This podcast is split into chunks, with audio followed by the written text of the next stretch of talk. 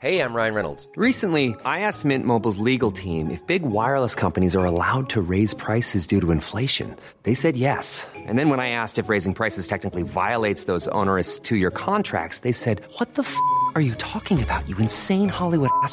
So to recap, we're cutting the price of Mint Unlimited from $30 a month to just $15 a month. Give it a try at mintmobile.com slash switch. $45 upfront for three months plus taxes and fees. Promo rate for new customers for limited time. Unlimited more than 40 gigabytes per month. Slows. Full terms at mintmobile.com.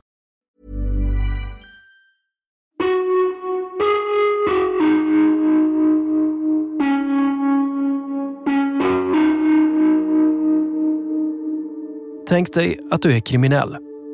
Ditt liv har fler gråskalor än många andras. Du begår brott. Det var alltså 9.34 som larmet gick från Sparbanken i Borensberg att man hade haft ett rån. Dina vänner begår brott. Och det var två rånare som hade trängt sig in där. Så en dag tröttnar du. Du bestämmer dig för att hjälpa polisen med tips. Och dessutom får du betalt. Det är de här svinen som jag inte tycker förtjänar ens att vara ute. Det har jag gett information om. Det här är Erik. När jag går mig in i det här så måste jag ju själv kunna titta mig i spegeln. Jag måste tycka att det är rätt det jag själv gör. Erik blir polisens informatör. Och då var det så här. Inga vänner såklart.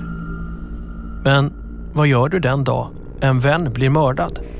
Av en annan vän? Vi börjar i Eskilstuna där polisen inlett en förundersökning om misstänkt mord efter att en man hittades svårt skadad i ett skogsparti i norra Eskilstuna sent igår kväll. Han ställs inför ett livsavgörande dilemma. Jag ville att mordet skulle lösas, att, att Omar skulle torska på det här på grund av Jonas mamma. Ska han berätta för polisen vad han vet? Jag tyckte att det var så fel det här. Jag sket i Omar just då. Eller ska han vara lojal mot den värld som hans vänner lever i och han själv känner till allt för väl? Och det är så att all information, oavsett om du är uppgiftslämnare eller informatör, eller bara ringer in och säger du jag vet vad det här Den skrivs in och sen så tycker underrättelsetjänsten att ja, men det här är ju bra information, det här ska gå i den eller det här. Och någonstans där har ju det här läckt ut. Du lyssnar på Spår, säsong 13. Informatören. Del 1. Bankrån och narkotika. Med Martin Jonsson, Anton Berg och Eva-Lisa Wallin.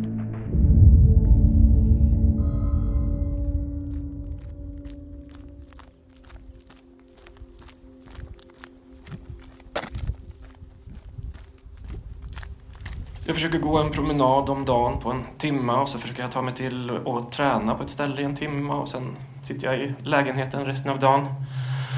Mm, det, det är det enda jag gör. Träffar du någon folk? Nej, jag träffar ju barnen men inte hela tiden. Men emellanåt. Jag mår ju inte bra, det gör jag ju inte.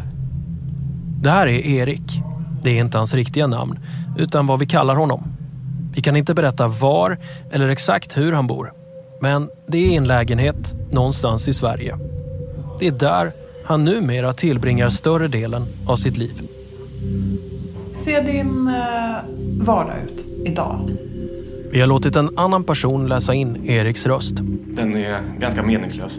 Har du någon att prata med om det? Nej, men jag har ju försökt. I början när det hände så fick jag en samtalsterapeut men det var ju omöjligt för jag ska ju prata själv och då är vi i samma bekymmer som du och jag sitter i här. Jag vill ju att eh, någon ska ställa frågor för jag är inte så mycket för att prata. Och då funkade det inte helt enkelt? Nej. Erik har de senaste tre åren levt i ett slags vakuum med skyddad identitet. Han är pappa till två barn. Även de och barnens mamma, Eriks före detta sambo, tvingas leva med skyddad identitet. Och varför, det kommer vi berätta i den här säsongen av Spår. Ja, nej men jag försökte hålla dig utanför det här så länge det, så länge det bara gick. Men eh, Spår har i den här säsongen pratat med Erik, granskat handlingar från polisen de här uppgifterna behöver komma fram. och även fått ta del av hemliga inspelningar. Ja, just det, nästa här då, angående det här förhöret. Eh, För jag menar, jag antar att jag ska berätta. Alltså händelsen. Du kommer få en öppen fråga. Berätta om det här. Och så får vi hoppas att de frågor vi har här, de innefattar din historia. Och vi har pratat med personer inom rättsväsendet som ser problem med polisens underrättelseverksamhet. Polisen kan under tiden som de är informatörer vara jäkligt hyggliga. De kan få ersättning för varje tips de lämnar. Men sen när uppdraget är slut, då vill man inte ha med de här att göra. Vi vet inte hur många som Erik det finns i Sverige. Vi vet att man i Sverige jobbat med informatörer sedan många år. Vi vet att rättsskyddet för sådana som Erik är problematiskt. Det finns ingen insyn i polisens arbete. Bara vittnesmål från sådana som Erik själv och anhöriga. Har ni ljugit om allt för mig? Precis allting har ljugit om.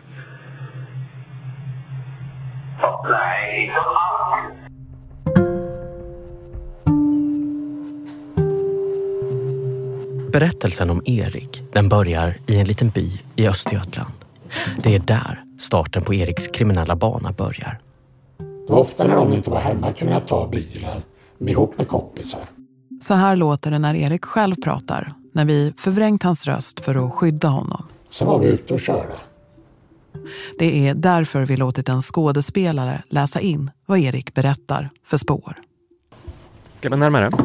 Här, är det bra?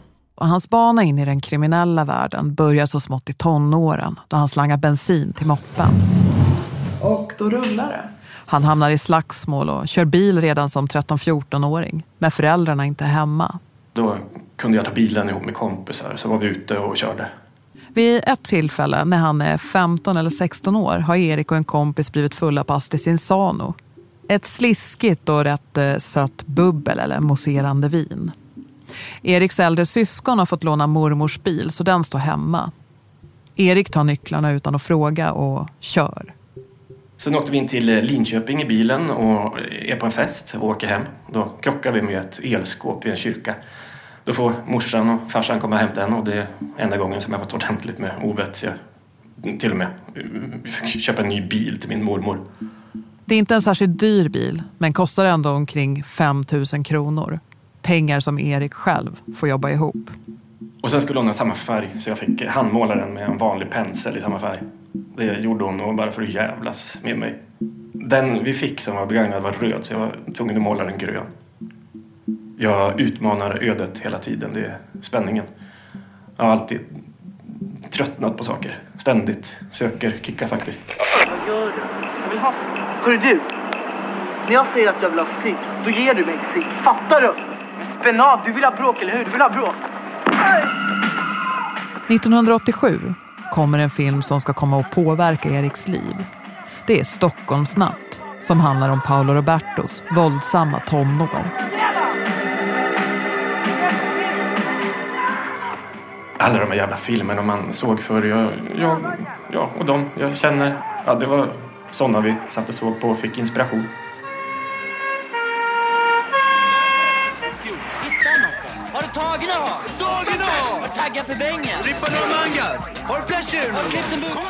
Några år senare, 1993, kommer också en annan film, Sökarna.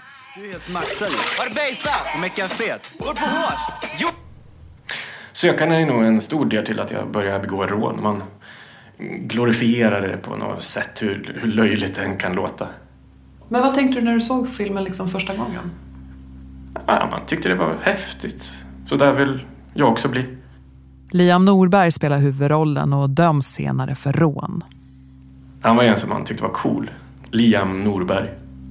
1994, året efter att Sökarna haft premiär, rycker Erik in i lumpen på Svea artilleriregemente A1 i Linköping som pjäsgruppchef i tio månader.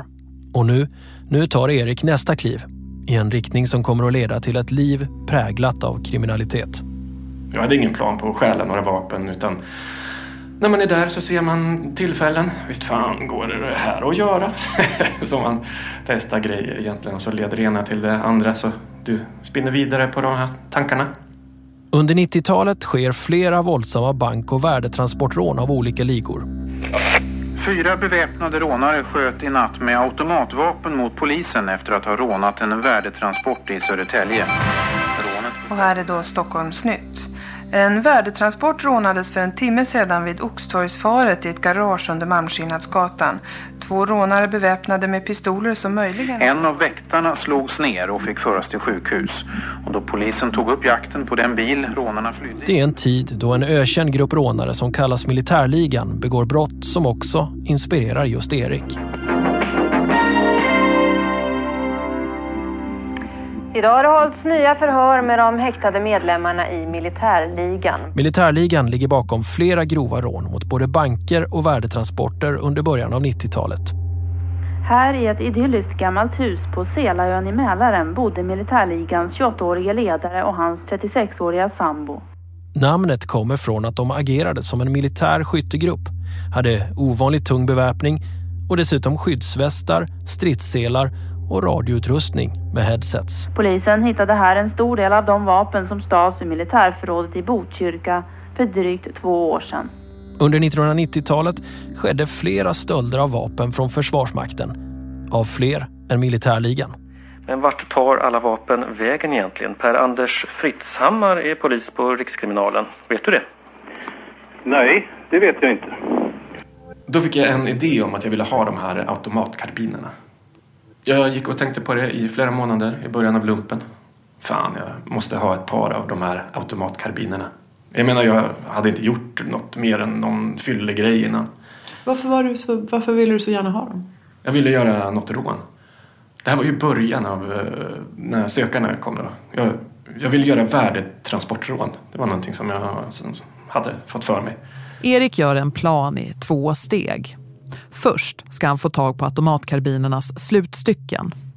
Slutstycket är en rörlig del långt bak på vapnet som öppnas för att kunna ladda det. Ett vapen utan slutstycke funkar alltså inte. Grejen är att, eh, så här att slutstyckena förvaras på ett ställe. Förr i tiden så var det i stora kassaskåp i mitten av i varje korridor på varje våningsplan inne på regementet. Det var inga små kassaskåp och det var alltid en kapten med. Det markerades när du tog ut ett med ett befäl och så markerades det när du lägger in ett. Jag förstår ännu idag inte hur jag vågade. Hur jag kunde ta det så långt. Genom att jag inte hade gjort så mycket innan men, men det var några som alltid var sjuka hos oss och när vi hade skjutövningar var de aldrig med. Det var typ malajer som aldrig ville göra något så de hade, var sjukskrivna under lång tid. Och därför räknades inte deras slutstycken eh, vid, vid varje övning. Jag såg att eh, ja, kaptenen tittade inte och jag la in mitt slutstycke en gång och genom att han inte står och tittar rakt in så tog jag från en annan som jag visste var sjukskriven så det räknas inte. Så gjorde jag vid, ja, jag tror det var tre tillfällen. Antingen är det två eller tre gånger. När han nu har tagit slutstycken så saknas själva vapnen. Enligt Erik väntar han tills kompanigruppen han ingår i har vakttjänst under en helg i början av februari 1994. Under kvällen, när delar av regementet är tomt, passar Erik på. Vapnen förvaras i skåp med hänglås och enligt Erik börjar han klippa upp låsen. Och då hör man hur det kommer steg upp för trappan och jag blir helt tyst. Och jag tänker, fy fan, alltså, de kan inte komma in i det här rummet. Så hör man de här jävla stegen gå förbi och sen vidare. Erik säger att han får med sig två eller tre vapen i en väska han har med sig. Tar bakvägen ut, hoppar över ett stängsel och där väntar en kompis i en bil. Eh, vi kommer inte många kilometer, vi är inne i Linköping då, vi är unga och har nyss tagit körkort. I en korsning står en polisbil som ska åt samma håll och väntar på grönt ljus. Han blir så nervös att han lägger sig i filen bredvid istället och sen svänger han höger bort. Kompisen skulle egentligen lagt sig i samma fil men lägger sig bredvid i en bussfil. Vad gör den här polisbilen då? Den sätter på sirenerna och följer efter oss och jag bara tänker fan, har det gått larm om den här bilen? Är det någon som har sett oss? Jag har inte ens stängt den här väskan för jag hade så bråttom att uh, från logementet så, så man ser att det ligger ett vapen överst där i väskan i baksätet. Så han hoppar ut och möter eh, och det första den här polisen säger är Hur i helvete kör du? Det här är fan bussfil och så får du inte svänga höger här. Eriks kompis är nervös och ursäktar sig inför polisen med att han inte brukar köra in i centrala Linköping. och med det nöjer sig polisen. Så han fick en utskällning och sen åkte vi vidare. Enligt statistik från Brottsförebyggande rådet anmäldes sju stölder från militära förråd och förläggningar i Östergötland 1994. Anmälningarna är arkiverade och inte sökbara på brottskod. Men i Östgöta-korrespondenten står det att det skett en stöld, om än bara av ett vapen. Och till slut får vi tag på Per som var plutonchef det här året. 1994 så jobbade jag på en pluton på A1, då Svea artilleriregemente, som ställföreträdande plutonchef. A1 i Linköping, Svea artilleriregemente, det är där Erik gör lumpen. Det har gått nästan över 30 år sedan vapenstölden, men Per minns den fortfarande. Delar av min pluton hade beredskap, vi säger att några tjänstgjorde, uh, tjänstgjorde över helgen. Och sen på måndagen tror jag måste det ha varit, så upptäcktes det när övriga kom tillbaka efter ledigt så upptäcktes det att det var ett inbrott i ett logementsskåp på grannplutonen i en annan kasern. Och att där hade det försvunnit en AK5. När Per får höra Eriks beskrivning av skåpet med slutstycken och hur han tar ett slutstycke när kaptenen inte ser, så säger Per att det är fullt rimligt att det är så det gick till. Ja, helt, helt klart. Per bekräftar att själva vapnen fanns i skåp med hänglås och att det inte fanns någon kameraövervakning att förlita sig på. Det, det var ju så på, på den tiden. Eh, man ansåg att det var tillräckligt eh, säkert helt enkelt i, i och med att man hade den vitala delen av ett säkerhetsskåp inlåst. Vapenstölden blir aldrig uppklarad, även om Erik säger att han är hörd som misstänkt. Han håller också fast vid att det är två eller tre vapen, inte ett som Per säger. Eriks mål, menar han, är att använda vapnen för att råna banker och värdetransporter. Och enligt honom är det just det han gör, han och några vänner. Varför jag var tvungen att ta de här automatvapnen eh, genom att jag var inte kriminell på den tiden. Hur skulle jag kunna råna en värdetransport när jag inte kände någon som hade vapen ens en gång? När, var och hur vapnen kommer till användning vill han dock inte berätta konkret om för att inte riskera att peka ut medgärningspersoner även om rånen är preskriberade idag. Vi använder dem vid rån. Rån du åkt dit på eller rån du inte åkt dit på? Rån jag inte åkt dit på. Erik säger att han ger vidare vapnet till en person han inte vill namnge. Det är en av de saker som han i vår intervju inte vill gå in på. Enligt Per, som var ställföreträdande plutonchef på A1 1994, hittades sen vapnet i samband med ett rån eller rånförsök.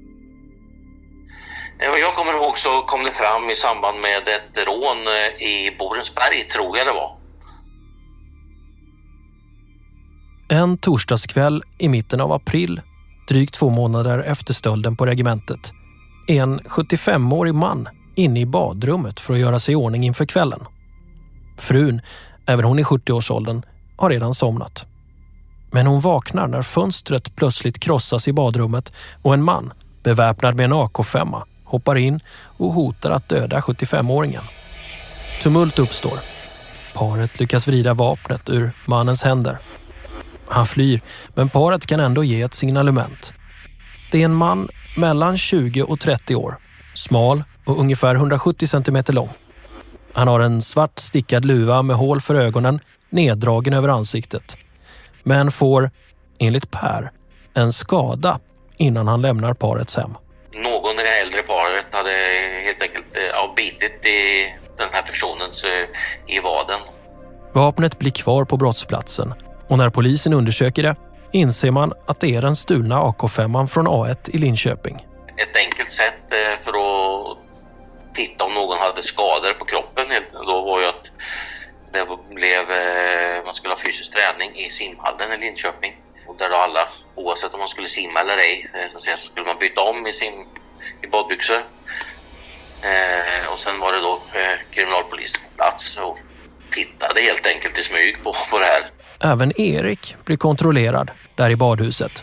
Kaptenen han lade oss på bassängkanten Då skulle vi göra sit-ups mot honom. Han gick runt fram och tillbaka och kollade på benen på alla om det fanns någon som hade en stor skada. Men det, man hittade inget då. Så man kommer inte närmare någon lösning på vare sig rånförsöket eller vapenstölden. Det var en olustkänsla och det tyckte vi nog allihop som jobbade tillsammans på den här plutonen, mina kollegor och jag, att eh, olustkänsla misstänkte att man hade en grov brottsling på plutonen, men man visste inte vem. Nu börjar, enligt Erik, ett liv som rånare. Man är nervös. Eller nervös. Första gången. Du är ju livrädd. Jag var nog mer rädd än offren va. Det blir sånt adrenalin.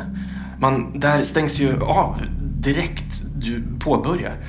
Du tänkte i början, vad fan håller du på med? Du satt där i någon jävla bil på väg någonstans. Vad fan sitter du här för? Du är ju inte klok. Men spänningen gjorde att man ändå följde. Och sedan är det ju så här, är du fler, jag tror att alla sitter nog där, i alla fall de jag gjorde det med, för det var ingen av oss som var grovt kriminella. Hej, jag Ryan Reynolds. På Mint Mobile, we like to do the opposite of what Big Wireless does. They charge you a lot, we charge you a little. So naturally, when they announced they'd be raising their prices due to inflation, we decided to deflate our prices due to not hating you. That's right. We're cutting the price of Mint Unlimited from $30 a month to just $15 a month. Give it a try at mintmobile.com slash switch. $45 upfront for three months plus taxes and fees. Promote for new customers for limited time. Unlimited more than 40 gigabytes per month. Slows. Full terms at mintmobile.com. Som kände folk. Även om vi gjort grova saker så tänkte nog alla att vad fan sa jag ja till det här för på väg till de här ställena. Man hade nog hellre varit hemma och tittat på TV men du kan ju inte backa ur. Enligt Erik så fäster han upp mycket av pengarna, men försöker också spara en del. Det minsta jag har eh, varit någon gång, det var tre stycken vid ett rån. Så har man varit fem som mest, ibland är det bara 300 000. Jag har aldrig kommit åt några stora pengar, tyvärr. Och nu börjar nästa steg i hans kriminella karriär. För att få mer information om värdetransporter utbildar sig Erik till väktare. Jag var så inne på det här med att jag skulle göra värdetransportrån så jag blev till och med väktare. Jag började jobba som väktare i Motala efter lumpen. För det var mitt mål då att jag skulle komma nära värdetransporter så man kan göra en egen grej. Men efter två veckor blir Erik misstänkt för en båtstöld. Även om han inte döms får han inte fortsätta med väktarjobbet. Till slut kommer dock stunden då Erik inte längre kommer undan polisen. Det är en onsdag morgon i Borensberg utanför Motala i november 1997. Det har gått ungefär tre år sedan Erik muckade från lumpen. Vi har gjort ganska många då. Efter några bankrån planerar Erik att med några andra personer råna en av två banker i Borensberg, Sparbanken. Det är två banker. Det här är ju en lätt grej. Klockan är halv tio när han och ytterligare en man kliver in i bankens lokaler. Vi är tre man som är med i själva rånet. Sen har vi fler inblandade. Mm, för det står utkikar på alla vägar in till den här orten. De skulle meddela om polisen kom så man kan dra innan. Jag kommer in, hoppar över disken för att starta det här. Kassorna innehåller visserligen en del kontanter. Men det Erik och hans kompan inne i banken är ute efter är säkerhetshurtsar där pengar förvaras. Till bankvalven finns tidslås med lång öppningstid. Men säkerhetshurtsarna har desto kortare och kan, enligt Erik, innehålla kring en halv miljon kronor eller mer. När jag letar efter säkerhetshurtsarna men är ganska stressad så har man en, en uh, skoteroverall för att dölja kroppen och hur lång man är. Och så har man den där lilla jävla luvan. Man har ganska begränsat seende. När jag hoppade över där och det skriks lite och sånt, det, det sista jag kommer ihåg är att jag vände mig om. Chefen för banken har precis haft genomgång med personalen och är på väg från fikarummet till sitt arbetsrum när han ser Erik och tänker, inte nu igen. Så sent som i januari 1997 utsattes banken för ett rån och nu sker det igen. Han blir upprörd och utan att tänka sig för kastar han sig över Erik och måttar ett knytnävslag mot hans ansikte få in en bra träff. Men då skjuter han som håller vakt. Det är inget skott som, som mot personalen. Han, han vill bara lugna ner. Han har en avsågad hagelbussa. Och när man ser skotthålet i väggen så är det närmare mig än någon annan personal. Och då blir det lugnt i alla fall.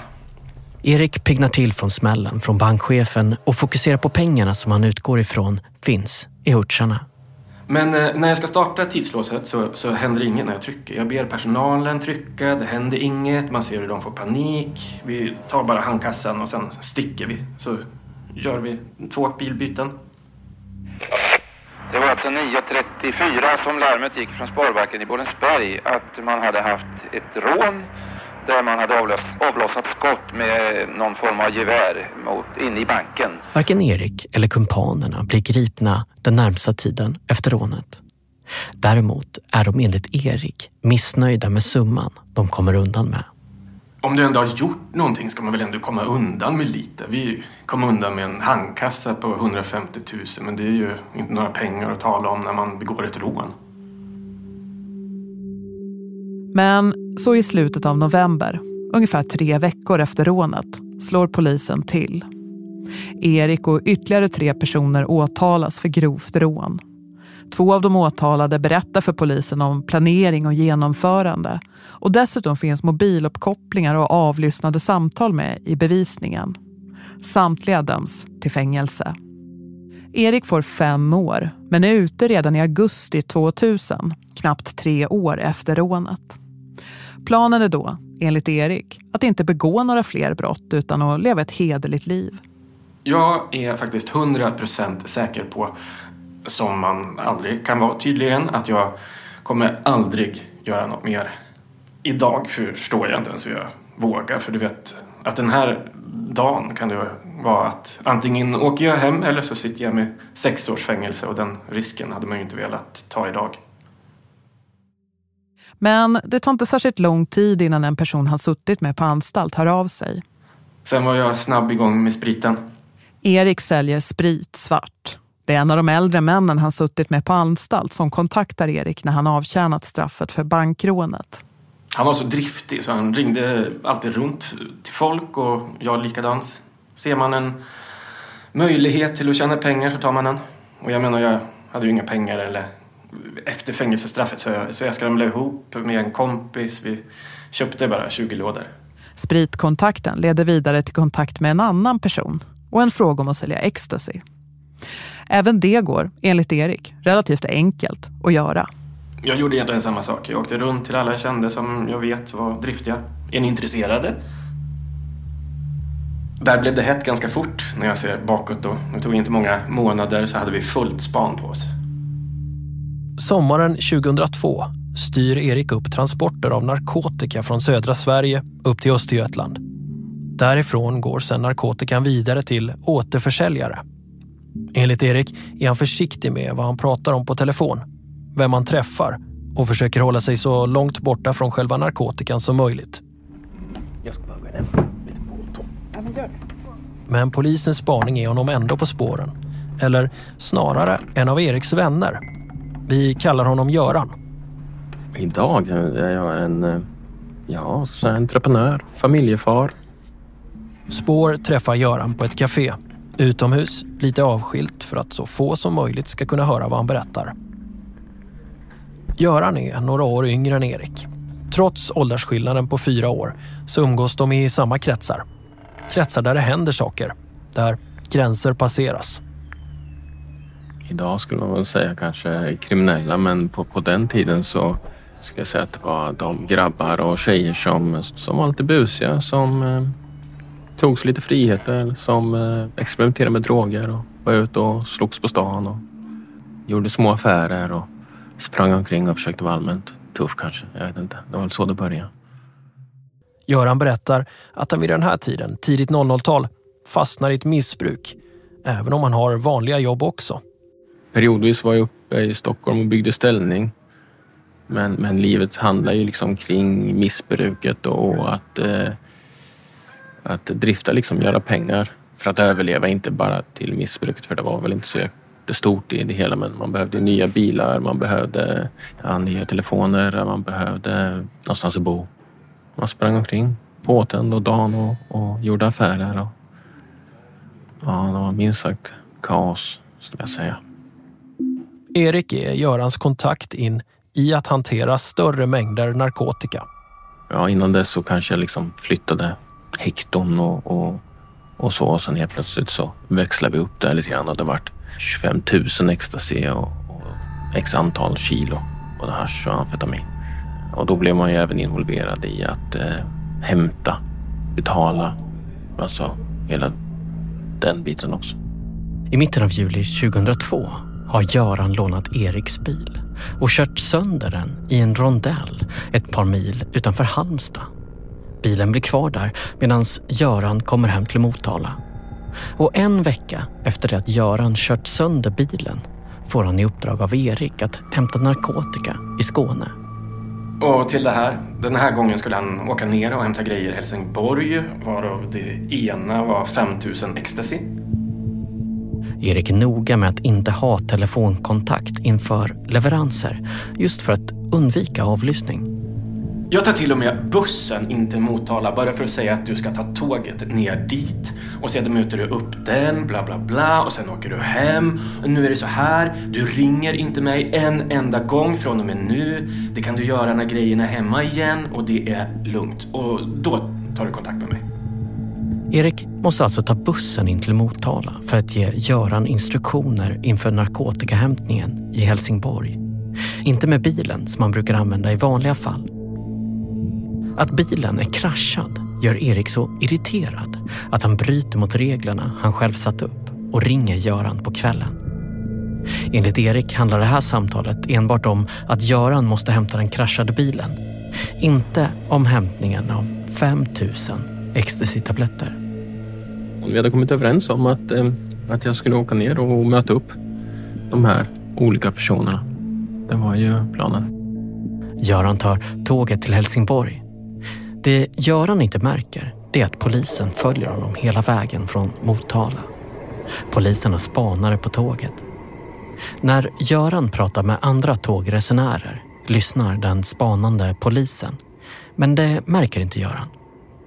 Väl framme i Helsingborg blir Göran upphämtad i bil och får 5000 ecstasy-tabletter. Han blir sedan avsläppt inne i Helsingborg.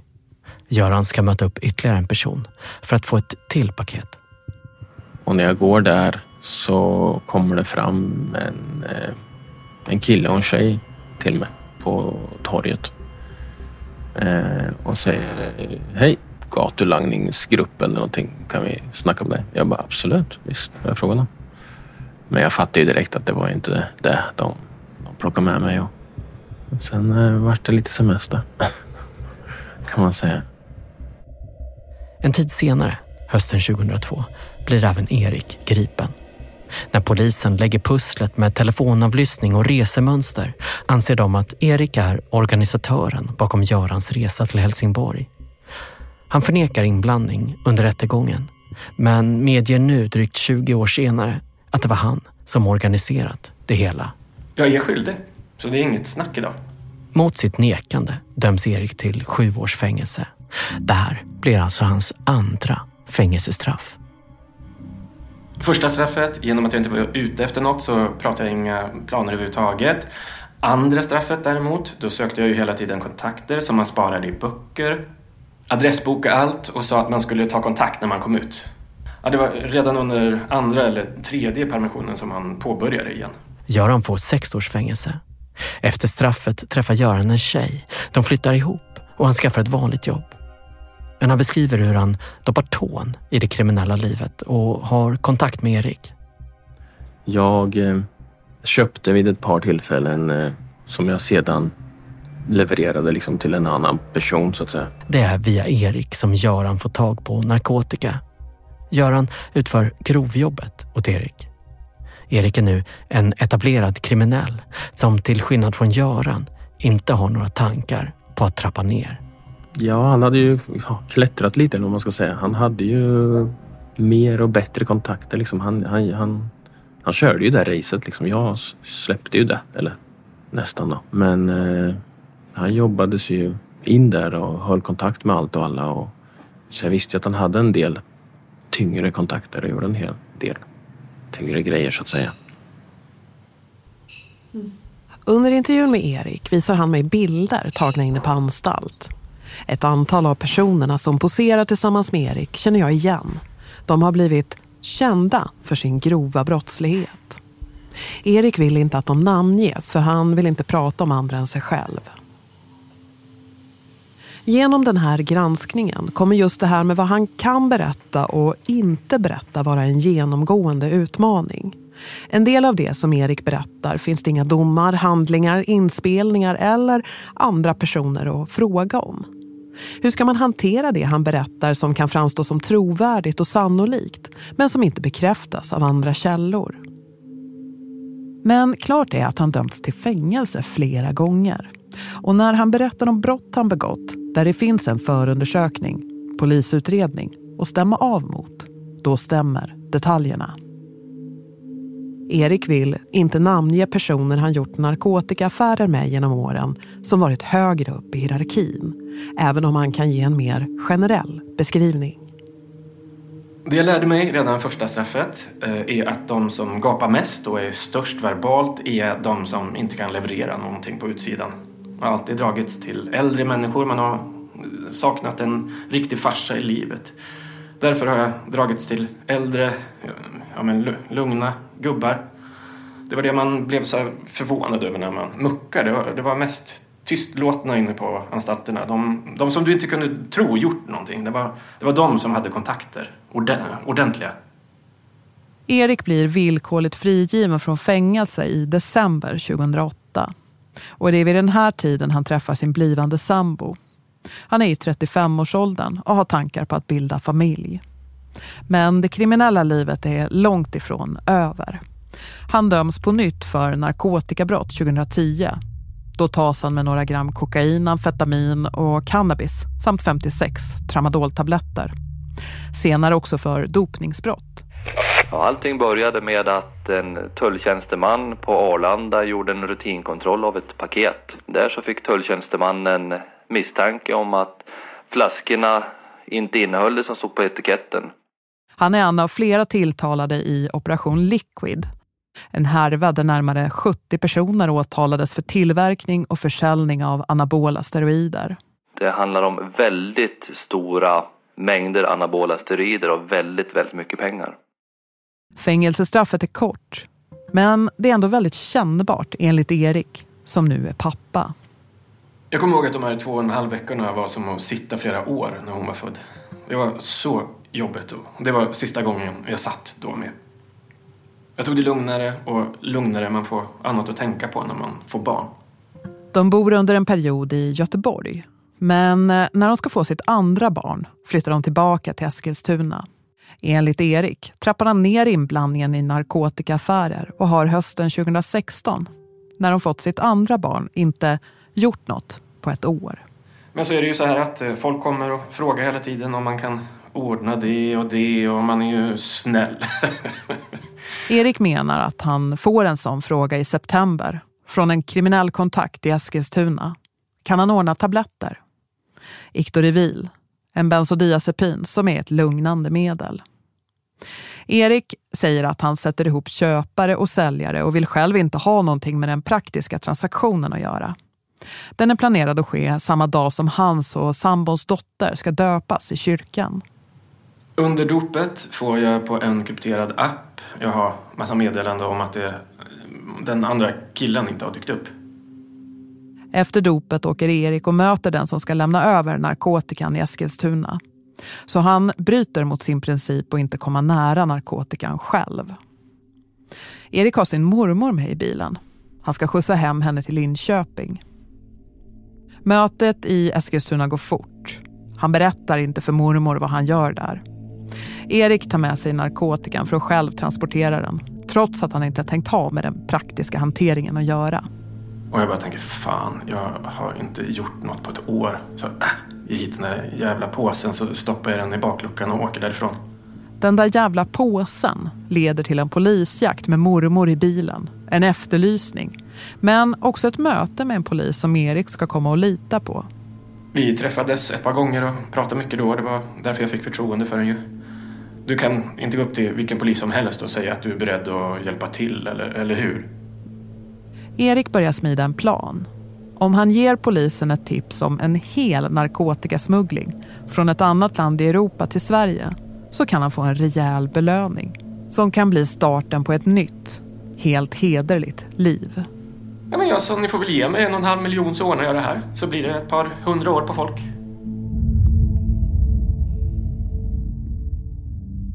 I nästa avsnitt av Spår.